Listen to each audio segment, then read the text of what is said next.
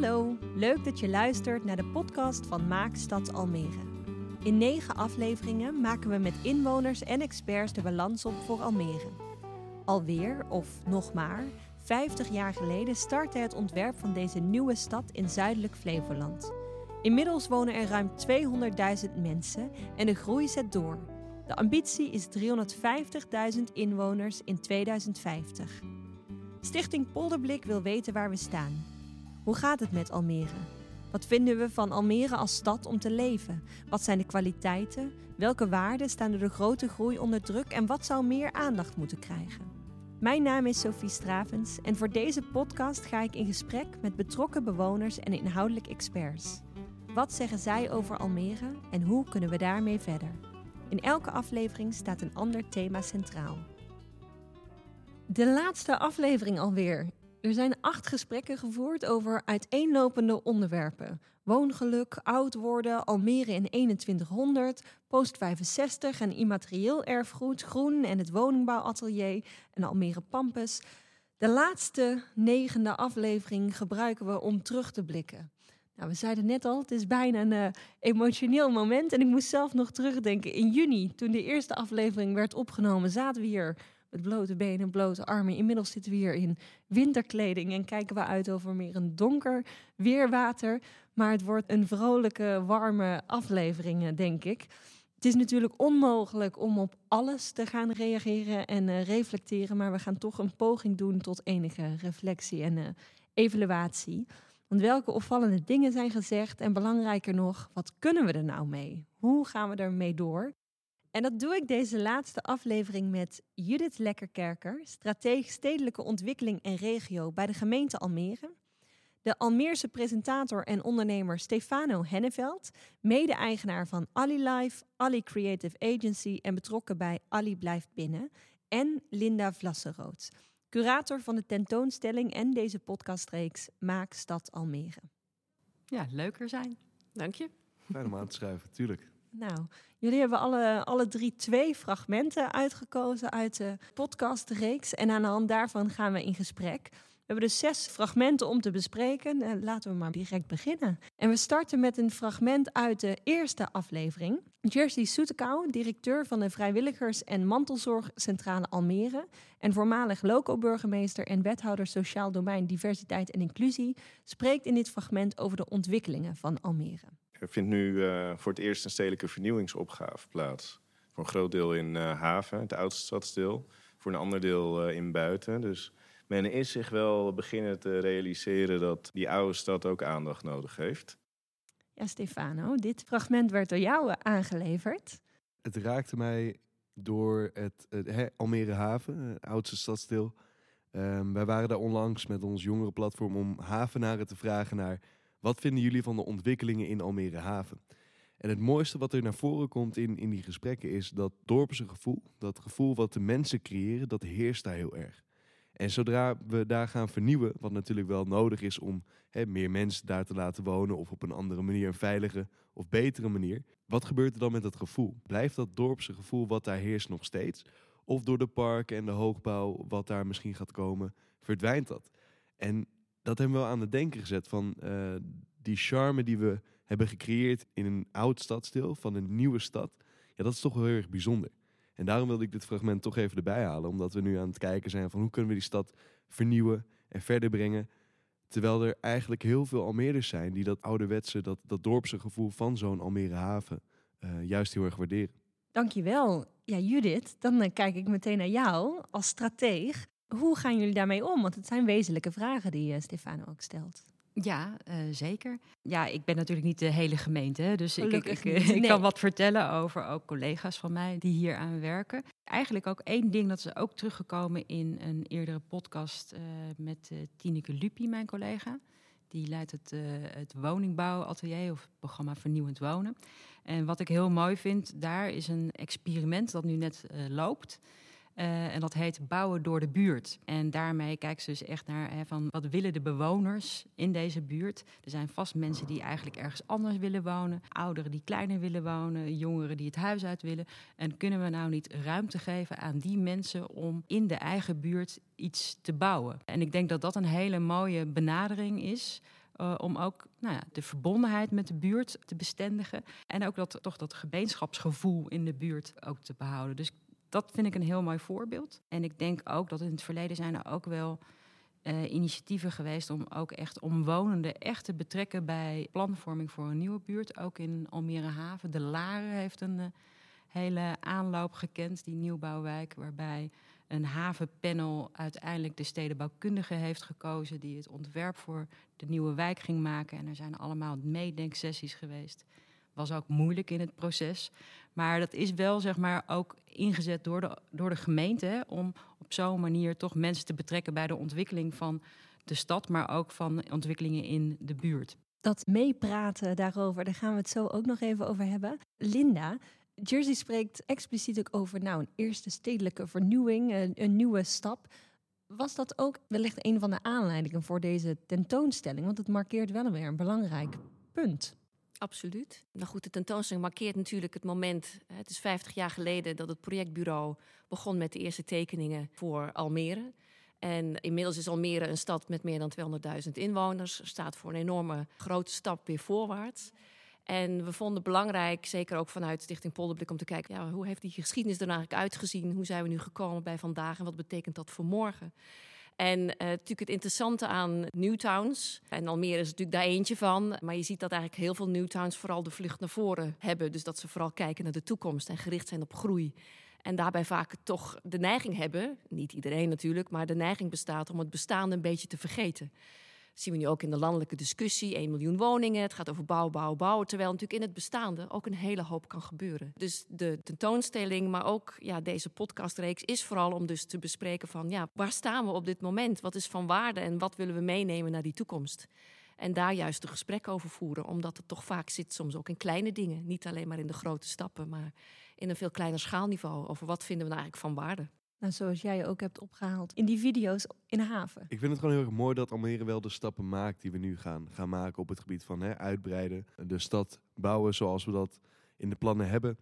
Um, en dan kijk ik ook vooral naar die jongeren, hoe, hoe zij ermee omgaan. Bijvoorbeeld in Almere Haven kreeg ik heel veel terug van jonge Almeerders dat er niet zoveel voor hun te doen was. En dat is dan ook iets waar in die stedelijke vernieuwing uh, ook rekening mee gehouden moet worden. Want we kijken natuurlijk heel erg naar wonen en we kijken heel erg naar parken en dingen doen die uh, voor, voor volwassenen heel erg spreken. Maar wat kunnen we nou doen voor die jongeren om hun leefomgeving wat interessanter te maken, dat ze ook hun stadsdeel gaan omarmen en, en die, die toekomstige bewoner van Almere worden. Dat kreeg ik heel erg terug uit interviews, dat, dat zij zeiden van ja, maar ik, ik weet niet zo goed wat ik hier moet doen in Almerehaven. En toen dacht ik van ja, ik ben nu niet meer die jongere, maar als ik dat als signaal krijg, dan ben ik wel heel erg benieuwd van oké, hoe kan dat een rol spelen binnen die plannen? Wat gaan we daaraan doen? En dat is wel heel erg interessant, want als Almere maken we mooie en grote stappen. We ontwikkelen ons ontzettend snel en goed. Uh, we zijn van een hele negatieve stad naar een van de favoriete steden om te wonen voor millennials en uh, jonge gezinnen. Maar hoe kunnen we dat blijven houden? Die groei en die aantrekkingskracht voor mensen om hier te blijven. Goede input lijkt me al. We gaan meteen door nog naar een andere fragment. Judith, jij had ook een fragment van Jersey uitgekozen, ook uit de eerste aflevering.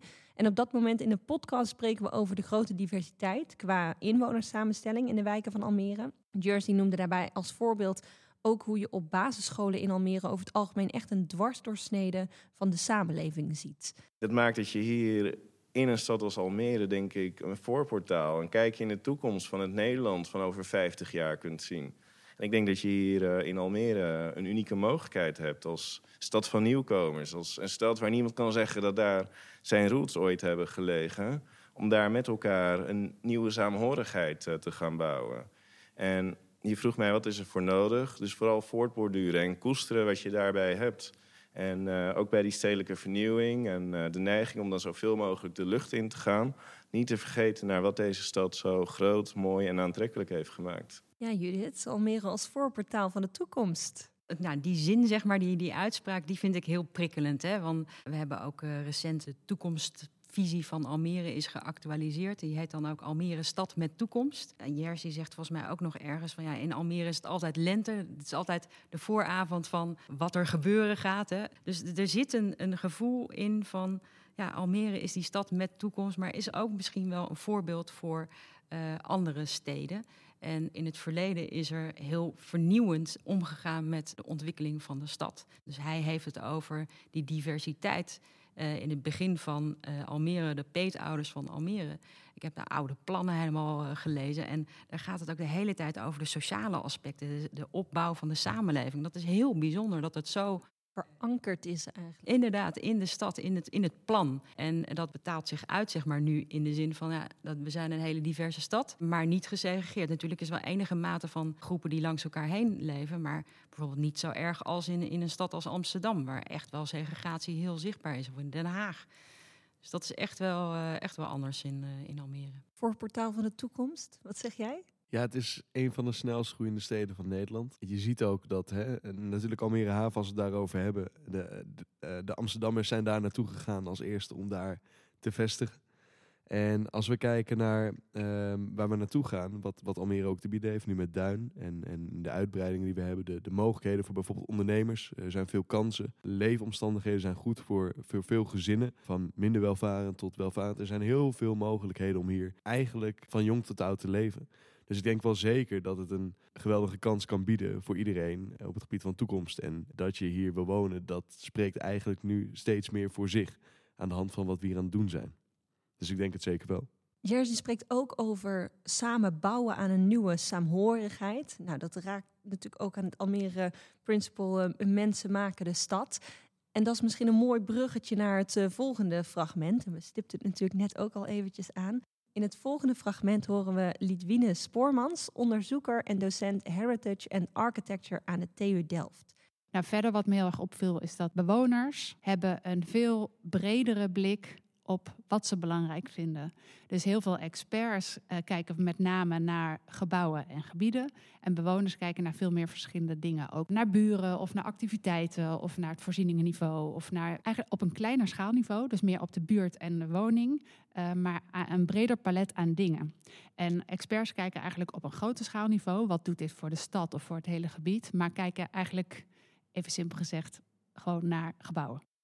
Ja, Linda, jij wilde ook bij deze podcastreeks expliciet ook bewoners aan tafel hebben. Hè? Dat wordt in dit fragment ook benadrukt hoe belangrijk het is om bewoners te betrekken. Klopt. Uh, Lidwien spreekt naar aanleiding van een onderzoek dat ze hebben gedaan in Almere Haven. Waarbij ze heel expliciet hebben gevraagd naar bewoners: hè, hoe waarderen jullie jullie eigen omgeving, je eigen woning, straat, buurt? En wat ze hier heel mooi beschrijft, is gewoon uh, hoe verschillend we allemaal naar misschien dezelfde omgeving kijken. Dus dat we hele verschillende perspectieven hebben. En wanneer we zeker het hebben over de gebouwde stad en onze ontworpen omgeving, dan zijn die verschillende perspectieven absoluut een, heel belangrijk gegeven. Alleen heel veel gesprekken zijn vaak experts met elkaar over dat wat bewoners belangrijk vinden. Dat doet Ledwin dat natuurlijk hier ook, uh, maar dat is op basis van een, een onderzoek wat ze gedaan heeft met bewoners. En het leek mij dus heel belangrijk in het kader van deze tentoonstelling, wanneer het gaat over de gedroomde stad, want daar hoort deze podcastreeks eigenlijk bij, is dat niet alleen de stad van de ontwerpers, maar dan is dat de stad van ons allemaal. En dat betekent dat we met elkaar in gesprek moeten over dat wat we belangrijk vinden. En dat gesprek is cruciaal omdat we met elkaar willen bouwen aan die stad. Maar dan moet je ook elkaars perspectief kennen en ook weten waar eh, de schuurpunten zitten. Want we hebben natuurlijk wel over het voorportaal van de toekomst. Maar we weten ook dat uh, heel veel mensen zijn heel blij in deze suburbane omgeving. Maar dat gevoel staat ook heel erg onder druk door de ontwikkelingen die eraan komen. Waarbij ze zien dat de leefstijlen veranderen. En ja, herken ik mezelf dan nog wel in deze omgeving? Dat is misschien dan voor de oudere generatie een issue en een vraagstuk. Maar de jongere generatie, hoorden we net ook al van Stefano, heeft ook vraagstukken. En de vraag is, zien we elkaar dan voldoende? Hebben jullie daar adviezen voor? Want in eerdere afleveringen kwam ook wel naar voren dat het betrekken van bewoners niet altijd makkelijk is als we samen willen bouwen aan die stad. Het werkt twee kanten, want aan de ene kant denk je van ja, laten we bewoners betrekken om, om een onderdeel uit te maken van, van de plannen of van wat we moeten gaan doen. Maar aan de andere kant, als, als mensen dat roepen en ze worden eenmaal uitgenodigd, dan is vaak zo'n opkomst niet wat je had gehoopt op basis van wat mensen hadden gezegd. Dus dan is het heel erg lastig om, om de juiste mensen te betrekken. Want je wil wel een, ja, een goed beeld hebben. Dus een, een, een evenredig beeld en niet van één kant. Want dan heb je alsnog niet een duidelijke toevoeging wat waarde kan dienen in het plan. Er moet iets zijn wat door meerdere mensen vanuit verschillende leeftijdsgroepen, maar ook verschillende leefstijlen en, en wijken, die moeten allemaal participeren.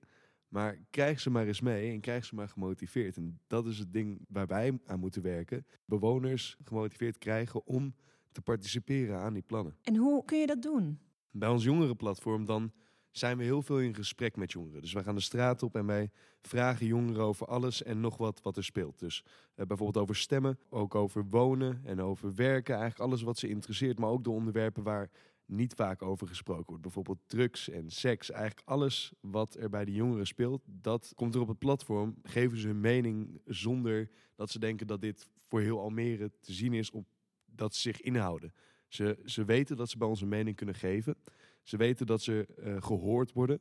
En zo betrekken wij jongeren op ons platform. Zo uh, weten zij van oké, als ik op dat platform spreek, dan horen mensen me eindelijk. En ik denk dat dat een ding is met jongeren, die willen graag gehoord worden. Dus dat is bij jongeren in ieder geval, waarvan ik denk, zo kan je ze betrekken. En dan kunnen ze jou inschakelen als, uh, als de jongeren ontbreken aan tafel. Dan, uh... Nou, ik, ik zou gewoon graag willen dat, dat de stem van de jongeren gewoon meer naar voren komt. En niet dat er alleen maar meer naar geluisterd wordt, maar ook dat ze gewoon nog wat meer geven. Jongeren deze tijd durven al meer uh, hun mening te geven en te zeggen waar ze gewoon voor staan. En ze winnen er geen doekjes om. Ze zeggen gewoon, nou dit ben ik. En ik ben misschien anders, maar ik denk wel zo en ik vind dit hiervan. En dat vind ik wel erg mooi aan de nieuwe generatie. Alleen ja, dat moeten we wel wat meer weer naar voren laten komen. Echt een podium geven en gebruiken. Ja, precies. Ja, ik denk dat we als gemeente, zeg maar, er, zijn allerlei stappen gedaan in het verleden nu om echt meer de gesprekken met bewoners te voeren over de ontwikkeling van de stad. Tegelijkertijd is het ook lastig, hè, want uh, ja, voor je het weet zit je toch misschien weer in een soort ingesluiten patroon dat je een zaaltje huurt en dan doe je de participatie en dan komt er een bepaald type mensen op af en dan is het eigenlijk ook vaak niet echt een gezellige avond. Maar er zijn ook veel meer andere mogelijkheden om in gesprek te gaan met mensen in de stad. En ik denk dat we daar af en toe wat meer creativiteit bij kunnen gebruiken. En ook gewoon misschien meer samenwerking ook met andere partijen. We hoeven het ook als gemeente niet allemaal zelf te bedenken hoe het moet. Dus ik denk dat dat heel belangrijk is. En ik denk ook dat het goed is om niet alleen als er een project is, om dan in gesprek te gaan, maar om te kijken of je ook gewoon continu een gesprek kan voeren met inwoners van de stad. En wat ik bijvoorbeeld ook heel mooi vind, is een initiatief van Casa Kasla. Die willen echt dat gesprek met de stad ook uh, stimuleren, faciliteren. Dus dat is niet de gemeente, maar dat is een stichting, een maatschappelijke organisatie in Almere, die zich inzet voor dat maatschappelijk gesprek. En dan denk ik dat wij als gemeente daar ja, heel enthousiast ook moeten optreden in wat zij organiseren. Om te horen hoe ja, inwoners denken over hun buurt, of over de stad als geheel, over bepaalde thema's in deze aflevering kwam ook naar voren en nadrukkelijk aan de orde dat die waardering voor nou, in ieder geval de gebouwde omgeving, maar dat geldt ook voor andere zaken natuurlijk iets dynamisch is. Het is absoluut geen vaststaand iets, het blijft altijd in ontwikkeling. De tijd gaat door, dus alleen daarom misschien al. Dat betekent dat we ook om die reden nooit klaar zijn met gesprekken, wellicht. In aflevering 6 spraken we ook over het immaterieel erfgoed en dat het ook geborgd weer moet worden. Ook dingen die juist heel erg vanuit de bewoners komen, kijken wat er is, maar dat was ook nog wel ingewikkeld, dat echt borgen. Nou ja, goed, kijk, dat was eh, heel nadrukkelijk hè, als het gaat over immaterieel erfgoed. Dat is dynamisch erfgoed, dat verandert continu. En Michel Langendijk gaf heel duidelijk aan: we zijn natuurlijk een jonge stad, maar er is wel heel veel immaterieel erfgoed aanwezig. Alleen we zijn natuurlijk vaak nog gefocust op het verzamelen van de papieren.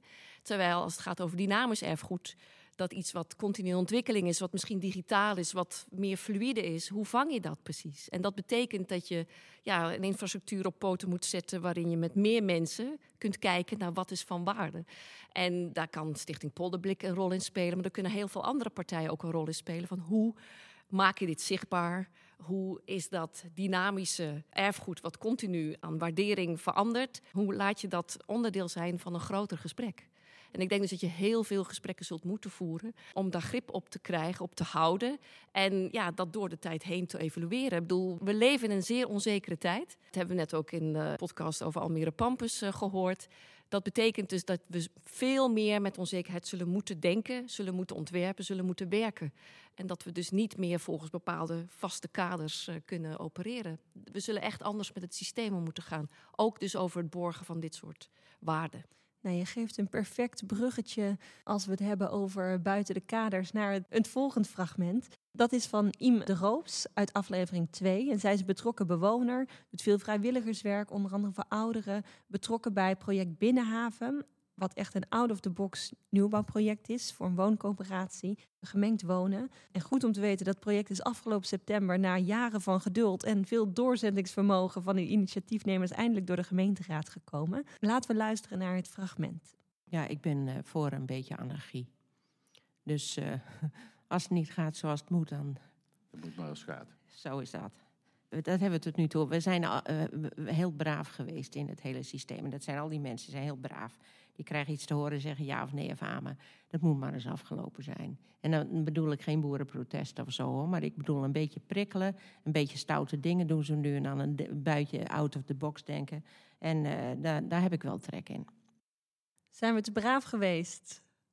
Nou, kijk, ik vind dit een geweldig fragment. Kijk, wat zij heel nadrukkelijk aangeeft, en dat is wat in veel afleveringen naar voren kwam en ook in alle voorgesprekken, is we hebben het heel vaak over de pioniersgeest. Almere staat bekend om het pionieren en het innoveren. Maar tegelijkertijd komen heel veel instanties, inwoners, organisaties tegen die echt tegen de grenzen van het systeem oplopen. Waarbij het heel moeilijk is om bepaalde projecten van de grond te krijgen, omdat wet en regelgeving niet meewerkt. En in dit geval ging het dan heel erg over het combineren van wonen en zorg. Ja, kijk, we zitten in een tijd waarin heel veel verandert. We hebben een klimaatcrisis, een biodiversiteitscrisis, een wooncrisis, een stikstofcrisis. Kortom, we hebben heel wat op het bord liggen we moeten veranderen. Veranderingen zullen versneld moeten. Om echt, um, nou ja, we zijn al met heel veel dingen te laat. En het betekent dus dat we echt een versnelling zullen doormaken. betekent dat het systeem anders zal moeten. En dat innoveren echt fundamenteel zal moeten. En niet leuk een participatieprojectje links of rechts, maar we zullen echt met z'n allen hard aan de bak moeten. En dan is natuurlijk de vraag: heeft Almere nu de infrastructuur op orde om dat aan te gaan? Dat vraag ik me dus af en toe wel af, ook op basis van een fragment zoals IM dat inbrengt. Wat denken jullie? Ik ben dan gewoon benieuwd van wat is dan de grootste verandering die moet plaatsvinden volgens jou? Het is een culturele verandering. dus sociaal-maatschappelijk zullen we op een andere manier met onze grond, met onze middelen, met eh, het klimaat om moeten gaan. Het betekent ook bijvoorbeeld wat je ziet, ook binnen een gemeente, dat er toch vrij veel verkokering is. Dus je hebt mensen in het sociaal domein, in het fysiek domein, het digitaal domein. Kijk, Paula Huiding, die nu aan Almere Pampus werkt, probeert dat echt goed te doorbreken. Maar ja, dat is nog niet iets wat algemeen gedeeld is. Wet en regelgeving is natuurlijk, dat is iets wat op landelijk niveau plaatsvindt. Het combineren van wonen en zorg bijvoorbeeld is nog niet zo gemakkelijk. Dus ik denk dat we met elkaar wel weten waar we naartoe zouden willen met bepaalde opgaven. Alleen het systeem, en dan bedoel ik zeg maar de kaders waarmee gestuurd wordt, waarmee beleid wordt uitgevoerd, daar moeten echt nog grote stappen worden gezet. En dat gaat niet 1, 2, 3. Maar die pioniersgeest, hoe kunnen we die dan toch aanboren op zo'n manier dat er in dat daadwerkelijk echt stappen worden gezet? Ja, ik denk dat het heel raak is wat je zegt. Want er zijn heel veel veranderingen die nodig zijn. Hè? Verduurzaming, sociale veranderingen. Daar, ja, hoe gaan we daarmee om? Waarbij wij als gemeente ook niet de oplossing in handen hebben. Dus andere mensen moeten ook initiatieven kunnen ontplooien om daar antwoord op te geven. Zoals inderdaad zo'n binnenhaven. En het is wel nog een opgave ook soms voor gemeentelijke organisaties om dingen wat meer uit handen te geven. En dat moeten we ook leren. En ik denk hè, dat nou, Paola uh, Huiding, dus, uh, die, die werkt aan Pampus, die, die is met collega's heel erg baanbrekend bezig om de verbindingen te leggen tussen allerlei domeinen. Maar het gaat uiteindelijk ook over hoe wij ook aan de stad werken met de inwoners, uh, met mensen die ideeën hebben, met bedrijven die heel innovatief zijn en die ook dingen willen testen. Ja, in principe in Almere kan het. Maar laten we dan ook zorgen dat het echt kan. En dat vergt nog wel wat van ons als organisatie. En nou ja, ik heb de ambitie dat ik me daar echt ook uh, komende tijd uh, voor ga inzetten. Om wat meer uh, nou, de pioniersgeest intern ook te laten landen. En ook dat we het niet allemaal zelf hoeven te doen, maar dat we het ook vooral mogelijk moeten maken. En dat is nog wel denk ik een grote opgave, maar het is wel nodig. Ja, ik denk dat je heel erg moet zoeken naar die samenwerking tussen mensen. Want met ons collectief Ali Blijft Binnen hebben we in de coronatijd heel veel acties gedaan om uh, mensen van hart onder de riem te steken. Omdat er was niet zoveel. En wat we daar merkten was dat heel veel mensen die zaten op hun eigen eiland. Dus ondernemers, maar ook gewoon bewoners. Hè. Iemand uit Almere buiten die komt misschien niet vaak in Almere stad, want ze hebben een eigen centrum. En je zag heel erg dat die verbondenheid, dat die eilandjes met elkaar werden verbonden. En zo kunnen we dat ook zien tussen bewoners met eh, initiatieven en ook met hè, die pioniersgeest en waar we naartoe willen verduurzamen.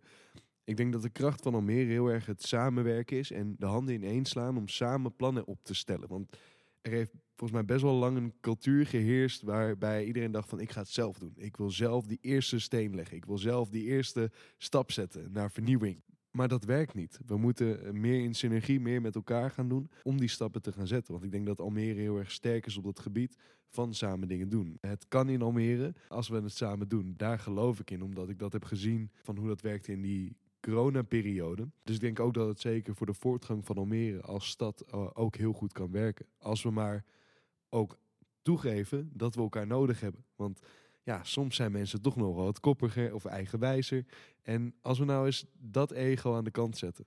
En gewoon toegeven dat we elkaar nodig hebben. En die stappen gaan maken. Ik denk dat we dan die pioniersgeest ook wat verder krijgen. Amen. Amen. Stefano en Judith, er was nog een ander thema waar jullie beiden op wilden reflecteren. Namelijk het belang van werken met en voor jongeren. Nou, het werd natuurlijk in het begin al even aangestipt. We luisteren zo naar Romeo Lobo. Hij vertelt over de aanleiding van het oprichten van het Kempenaar Festival. Een festival waarmee jongeren letterlijk een podium krijgen om hun talenten in te zetten en te tonen. Eigenlijk is het het wegvallen van een, eh, een, een sleutelfiguur van de stad. En dat heb ik letterlijk aan de lijve mogen ondervinden. Dat was René Kempenaar. Dat was René Kempenaar. Zijn monument zit, ligt nog steeds aan het Deventerpad. Een heel mooi mozaïek. Maar eigenlijk om mij heen zag ik heel veel jongeren die met hun handen in hun haar zaten van wat moeten we nou? En uh, vanuit die beweging, samen met mijn collega Bastiaan, hebben wij gebrainstormd, uh, zitten piekeren van hoe gaan we dit vormgeven? Wat kunnen we oppakken? Een functie als jongerenwerker is dat jij actief luistert en vraaggericht werkt. Het leidt naadloos aan bij wat jij eerder al zei natuurlijk, Stefano. En bij het werk wat jullie doen als jongerenplatform ook. Ja, ja, kijk, wij zijn in het begin heel erg voor de uh, fun gegaan, voor kijken waar zijn die jongeren te vinden, wat zijn hun meningen. Uh, maar sinds de coronaperiode hebben we ook met ons jongerenplatform Ali Live uh, de jongerencampagne Race tegen de Klok opgezet. Omdat we merkten dat heel veel ja, faalangst, depressie, maar ook suïcide heerste onder de jongeren. De suïcidecijfers die stegen enorm. En wij zagen dat en wij dachten van wij moeten hier wel wat mee gaan doen. Mijn compagnon eh, Mitchell Gelijnse, die had het nummer eh, Race tegen de klok ontwikkeld. Waarbij we dus inzoomen ook op die mentale kwesties die jongeren ervaren. Dus wij, wij zijn met die campagne ons in gaan zetten om de bewustwording te creëren omtrent mentaal welzijn. Want wat hij heel goed zegt, kijk, zij zijn jongerenwerker. Alleen die jongeren moeten wel bij die jongerenwerken komen. En wat nou als die jongerenwerkers vol zitten? Net zoals de lijsten voor de uh, psychologen. Die zijn enorm lang. En ik denk dat we daar ook bewustwording moeten creëren dat praten met elkaar heel erg goed helpt. En ook dat die jongeren niet de angst moeten voelen of een drempel om te praten met mensen in hun omgeving. En daarom raakte dit fragment mij meteen, omdat wij hiermee bezig zijn in onze campagne. En wij dat heel erg nastreven. Dat jongeren begrijpen dat het niet erg is dat je je even minder voelt. Of dat je denkt van nou, ik voel me vandaag, uh, ik ben misschien een beetje minder waard. Dan moet je dat bespreken. Want als je het gaat bespreken, als je ergens over praat, zul je merken dat het beter gaat. En met die campagne zijn we ons dus nu aan het inzetten. En daarom uh, dacht ik van nou, dit fragment, dit wil ik hier even terug laten komen. Ja, ik had natuurlijk net iets andere kijk. Uh, maar ik, ik vond een aantal uitspraken van Romeo mooi en prikkelend. Omdat ik dacht toen hij vertelde over wat de rol is van een jongerenwerker. Uh, actief luisteren en kijken hoe je iemand kan faciliteren. Uh, dacht ik, ja, we moeten eigenlijk allemaal meer jongerenwerker zijn. Dat vond ik mooi. Maar ook dat Kempenaar Festival, zij geven wel een prikkel zodat jongeren ook hun talent verder ontplooien. En dat vind ik ook wel mooi. Dus het is niet alleen, je moet actief luisteren en dan, nou oké, okay, hoe kunnen we jou helpen? Maar ook gewoon prikkelen. En ik denk dat dat competenties zijn die heel belangrijk zijn om uh, verder te werken aan de toekomst van de stad. En wat ik ook gewoon heel erg mooi vond, was dat hij op een gegeven moment ook zei: Ik ben met recht een vormgever van de stad. En dat, eh, dat raakt aan een, een, een expositie die er is geweest in het stadsarchief. Eh, met de videoportretten. En hij was ook geportretteerd. Maar ik vond het zo mooi hè, dat een jongerenwerker een vormgever van de stad is. En wij denken heel snel aan: ja, als je vormgever van de stad bent, dan ben je een stedenbouwkundige. Fysiek vormgeven. Het zijn gewoon de mensen die maken de stad. Dat is de, een van de Almere Principles. Maar dat vind ik zelf nou, een hele belangrijke waarde. En ook om, om verder invulling te geven in Almere. Het laatste fragment, daar zijn we alweer beland, is van Tineke Loepi. Zij is programmamanager vernieuwend wonen binnen Woningbouwatelier Almere. En we luisteren naar haar uitsmijter, haar laatste advies dat zij wilde meegeven in aflevering 7. Wat ik altijd zeg, je moet echt de ruimte, hè, letterlijk en figuurlijk. We hebben in Almere nog best wel veel ruimte, maar die moeten we blijven houden. En in de inzien dat de innovatie daar kan landen en tegelijkertijd een bijdrage kan leveren aan de grote opgaven die we, die we hebben. Maar als we die ruimte maar houden. En de ruimte is dat fysiek? Is dat in regelgeving? Ja, precies in alles, maar ook in ons, hè, in ons denken, in ons doen. Van dit is iets wat heel erg bij ons past. Bij echt Flevolands Almeers is om dat te doen. Uh, en, en, en, en dat houd is, dat uh, vast. Houd dat vooral vast. Judith, jij hebt dit fragment uitgekozen. Ja, nou ja, dit is uh, een fragment of een uitspraak naar mijn hart. Die fysieke, die mentale ruimte, die is er en die moeten we benutten om te werken aan de toekomst van de stad. Het is een groot goed, denk ik ook, dat echt die pioniersgeest in het DNA van Almere zit. Uh, dus ja, dat, ik vind het gewoon ontzettend mooi dat het er is in Almere. En we hebben met elkaar, denk ik, de verantwoordelijkheid om hier zo goed mogelijk verder aan te werken met die pioniersgeest, met de fysieke en de mentale ruimte die er is. En niet alleen inderdaad in een nieuw deel van de stad, maar ook in de plekken uh, ja, in de stad. Het was wel mooi ook dat de, als je terugkijkt hè, naar hoe zit die stad in elkaar. Die peetouders van Almere, die hebben overal ook gewoon gaten gelaten om nog verder in te vullen.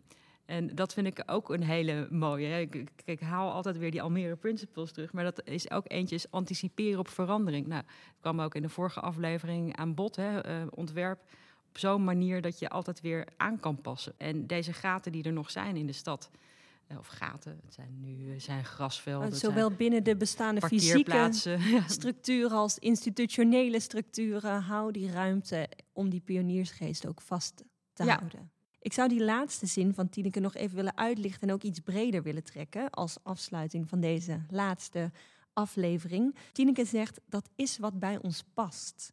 En door alle afleveringen heen kwam dat stukje identiteit en trots van Almere ook vaker naar voren. Hing soms ook samen met het gevoel van eigenaarschap, verantwoordelijkheid. We hebben het ook over gehad.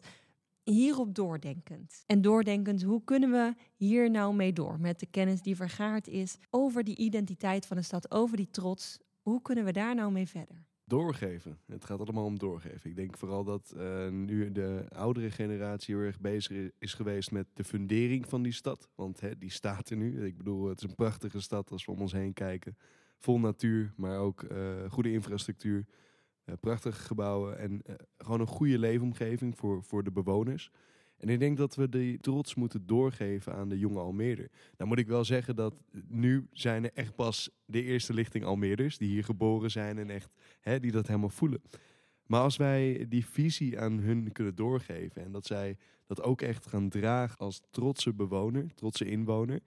Ik denk dat op die manier kunnen we het werkbaar maken voor de toekomst en dat we het verder kunnen geven. Maar dan moeten we het actief doorgeven. Dus alle mensen die hier zitten, ook de mensen uit het publiek, die moeten ervoor zorgen dat het verder wordt gegeven. Dat die jongeren dat gaan omarmen en denken van ja, wacht even, dit is niet de missie van de, de mensen die hiervoor zijn geweest in Almere, maar dit is nu ook mijn missie. Ook een uitnodiging aan alle luisteraars van deze podcast. Ja, ja, alle mensen die naar deze podcast luisteren, bouw aan Almere. En doe vooral waar je zelf zin in hebt, want dat is ook Almere. In Amsterdam hebben ze een boek al geschreven, maar wij zijn hier bezig met onze bladzijden. En waarom zou je niet gewoon zelf zeggen, nou, ik wil dit initiatief hier brengen? Doe dat. Er is hier nog niet iets zoals hele harde wetten en regels die je in Amsterdam misschien wel hebt. Op het gebied van bijvoorbeeld cultuur. Hier kan je nog zoveel bereiken en doen. Ja, daar, daar word ik gewoon heel erg enthousiast van als ik erover nadenk. Want daar liggen gewoon veel kansen. En jij voelt die ruimte dus nog echt? Ja, ik denk dat we als gemeente, zeg maar, uh, dat we vooral wat uh, Stefano zegt, dat we dat moeten faciliteren. En dat we af en toe moeten prikkelen. Op zo'n manier kunnen we, denk ik, die identiteit van pionieren ook verder ruimte geven en ja, verder laten leven. Linda, als curator van de tentoonstelling in deze podcastreeks. Nou, ik zat terug te kijken en terug te denken en te luisteren natuurlijk de afgelopen tijd. En als je niet al verliefd was op Almere, dan werd je het vanzelf. Er zijn zoveel mensen die zo enthousiast zijn over deze stad. Heel bewonderenswaardig en inspirerend. En als ik dan namens ook de stichting spreek, die natuurlijk de initiator is geweest van dit hele project. Ik denk dat onze taak voornamelijk is geweest om mensen bewust te maken. Dat is natuurlijk een, een, een tentoonstelling is daar natuurlijk een prachtige tool voor om mensen bewust te maken. Hier is waar we vandaan komen en dit is waar we nu staan en dit is waar we naartoe kunnen. En ja, nogmaals, de gesprekken die we nu voeren, ja, ik heb ze heel waardevol gevonden, omdat we juist al die verschillende perspectieven aan tafel hebben gekregen. We hebben er heel veel nog niet gehad. Er zijn natuurlijk hele doelgroepen, hele um, nou ja, allerlei disciplines die niet aan tafel hebben gezeten. Die natuurlijk ook een idee en een visie hebben over wat kunnen we met deze stad en deze gebouwde omgeving. En dat we natuurlijk breed moeten kijken. Hè? Niet alleen maar naar dat gebouwtje of naar die wijk, maar echt alle verschillende opgaven en die tegelijkertijd bespreekbaar maken en, en die kunnen aanpakken. Daar ligt natuurlijk nog steeds een hele grote uitdaging. Stichting Polderblik is klein, maar fijn. En kan daarin een belangrijke rol spelen. En het zou heel mooi zijn als we dus werken aan dat klimaat. Want ik denk dat het ook een soort cultureel, maar ook sociaal-maatschappelijk klimaat is. Om dat op allerlei verschillende fronten te adresseren. En dat is vanuit de gemeente, maar dat is vanuit allerlei verschillende plekken en organisaties. En dat zou ik heel erg toejuichen. Lijkt me een mooie afsluiter voor deze reeks. En een goede conclusie dat het uh, hier zeker nog niet klaar is en uh, dat we ermee door moeten. Het was mijn eer om deze podcast-serie te mogen hosten en met zoveel inspirerende mensen in gesprek te gaan. Ik ben benieuwd waar de volgende 50 jaar Almere gaat brengen. Ja. Heel benieuwd. Dank jullie wel. Dankjewel. Dank. Dank voor het luisteren naar Maakstad Almere. Een reeks van negen afleveringen waarin we met inwoners en experts de balans opmaken voor Almere. Deze podcastserie is onderdeel van de tentoonstelling Maakstad Almere, een initiatief van Stichting Polderblik. Maakstad Almere was van juli tot en met november 2022 in Kunstlinie Almere te bekijken. De tentoonstelling bracht de ontwikkeling van Almere in beeld aan de hand van de geplande, de geleefde en de gedroomde stad. De podcastserie is inhoudelijk samengesteld door curator Linda Vlasserood de techniek werd verzorgd door Van Loof en de productie lag in handen van Tessa Haan. Wil je de podcast delen op social media? Vergeet dan vooral niet Polderblik te taggen of gebruik de hashtag MaakStadAlmere. We hopen dat je met veel plezier hebt geluisterd. Op naar 100 jaar Almere.